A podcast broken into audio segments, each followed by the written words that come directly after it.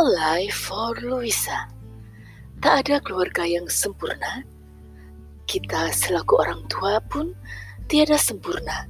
Demikian juga putra-putri yang telah kita lahirkan. Namun, di tengah ketidaksempurnaan itulah kita diberi kesempatan untuk memperjuangkan sebuah keluarga, sebuah home sweet home. Pada episode kali ini, kita akan berbicara mengenai pilihan si kecil. Ayah dan bunda, pada sebuah kesempatan beberapa bulan yang lalu, Luisa, si kecil, sudah saatnya harus kita putuskan untuk melanjutkan pendidikannya di sekolah dasar. Ada beberapa pilihan tentu saja. Bersyukur karena di kota kami ada begitu banyak pilihan sekolah yang bagus. Bagus dalam artian ya yang banyak dikejar oleh masyarakat. Tetapi pemahaman bagus bagi kami yang ya cukup lama berkecimpung di dunia pendidikan memang agak berbeda. Tetapi kita tidak bisa menjelaskan itu kepada si kecil, bukan? Nah, pada saat kami harus memutuskan itu, belum ada kejadian dan belum ada tanda-tanda, belum ada suara-suara, belum ada sejul berita tentang yang namanya COVID-19 kami melakukan observasi dan mengajak si kecil untuk berjalan-jalan, mengenal dan bertanya jawab tentang beberapa sekolah yang ya kita sebagai orang tua tentu sudah memiliki mimpi mengenai sekolah pilihan. Nah, tibalah saatnya kami membeli dan mengembalikan formulir pendaftaran ada sebuah sekolah yang ya kita menjadikannya sebagai prioritas utama. Pada kesempatan pertama kami menanyakan kepada si kecil untuk turut bersama kami menyerahkan pendaftaran itu, dia menolak. Oke, kita harus memberi dia kesempatan. Pada kesempatan berikutnya juga, dia menolak. Wow, saya ingat adegan itu terjadi pada waktu saya kecil dan saya lakukan kepada orang tua saya. Wow, bisa kita bayangkan apa yang akan terjadi? Parents are the best. Their decision is the best. Wow, kita tidak meragukan itu.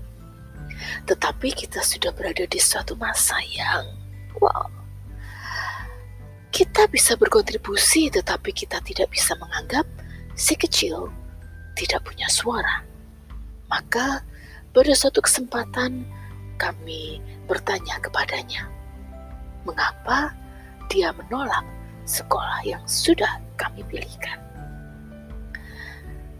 Ayah bunda, papa mama, seorang anak kecil ternyata sudah bisa merasakan bahwa dia tidak akan merasakan kebahagiaan di suatu tempat.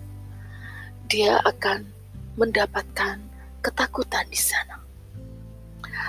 Mungkin sudut pandang yang dia lontarkan tidak sama dengan sudut pandang yang kita pikirkan. Masuk akal? Bahkan kita sesama orang dewasa bisa menggunakan point of view yang berbeda. Betul? Bahkan dengan pasangan kita. Di mana di situlah biasanya sumber gesekan itu. Demikian juga dengan kasus kecil. Tapi karena kami adalah orang dewasanya, tentu kami yang harus mengambil waktu untuk berusaha memahami pola pikir dan sudut pandangnya kami memutuskan untuk menunda dan melanjutkan hunting kami.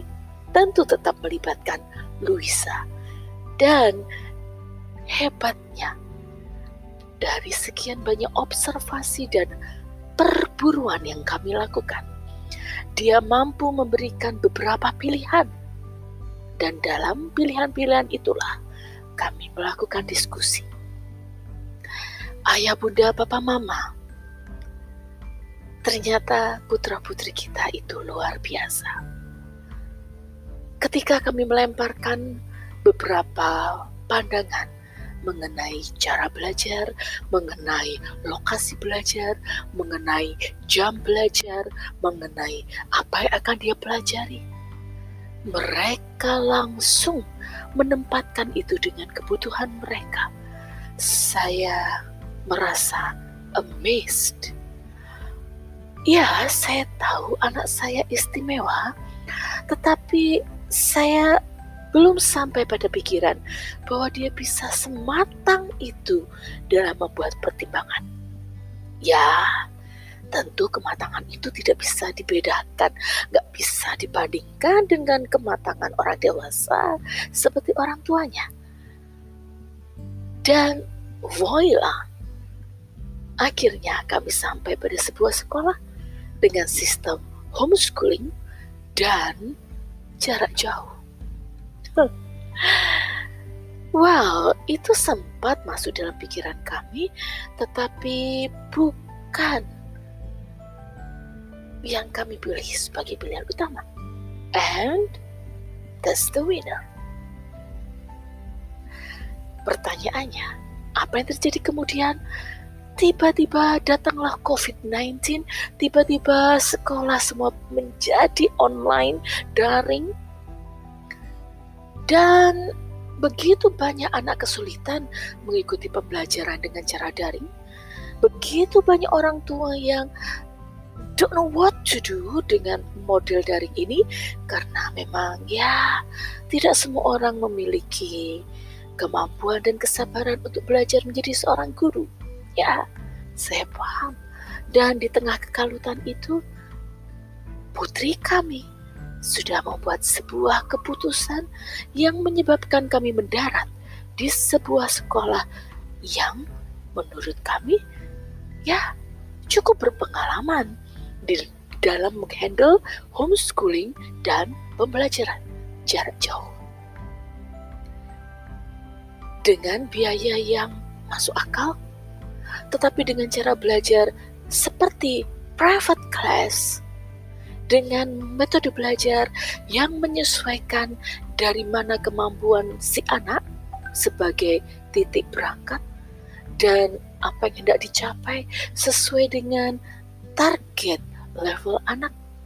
Saya melihat si kecil begitu menikmati belajarnya dan yang penting ayah bunda dia selalu tahu hari ini ingin belajar apa dia ingin mencapai apa dan dia merasa bahagia dan puas karena hari itu sudah belajar apa.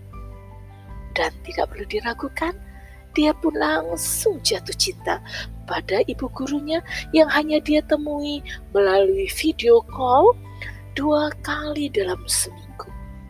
Wow, amazing. Apa yang bisa kami petik dari ini? Pertama, jangan mengabaikan naluri si anak. Belum tentu kita orang tua lebih sakti dari anak kita. Dan si kecil sudah membuat pilihan di tengah gelombang COVID yang tak seorang pun bisa menduga kapan ini akan berakhir. Dan yang kedua,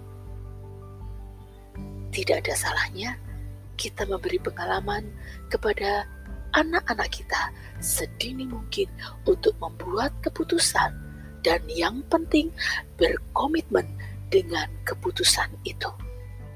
Hidup memang tidak selamanya bahagia. Tetapi ketika memilih sebuah pilihan untuk menjadi bahagia bukan sebuah dosa. Dan di sana juga antri komitmen-komitmen yang bukan hanya memberikan atau menjanjikan kemanisan surga, tetapi sebuah pengalaman kehidupan? Mengapa kita tidak menyerahkan pilihan itu kepada si buah hati sedini mungkin? Wait, tanggung jawab kita sebagai orang tua tentu tidak berakhir karena kids are kids. Ketika mereka mengalami masalah, tentu kitalah yang menjadi tempat mereka berlari dan bersandar. Kalau tidak, untuk apa kita menjadi orang tua? Oke, okay. welcome home sweet home. Sampai jumpa di kisah berikutnya. Alive for Louisa.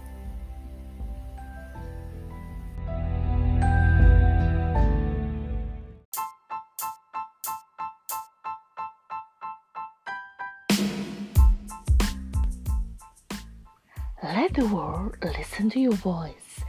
Join Anchor and share your thoughts.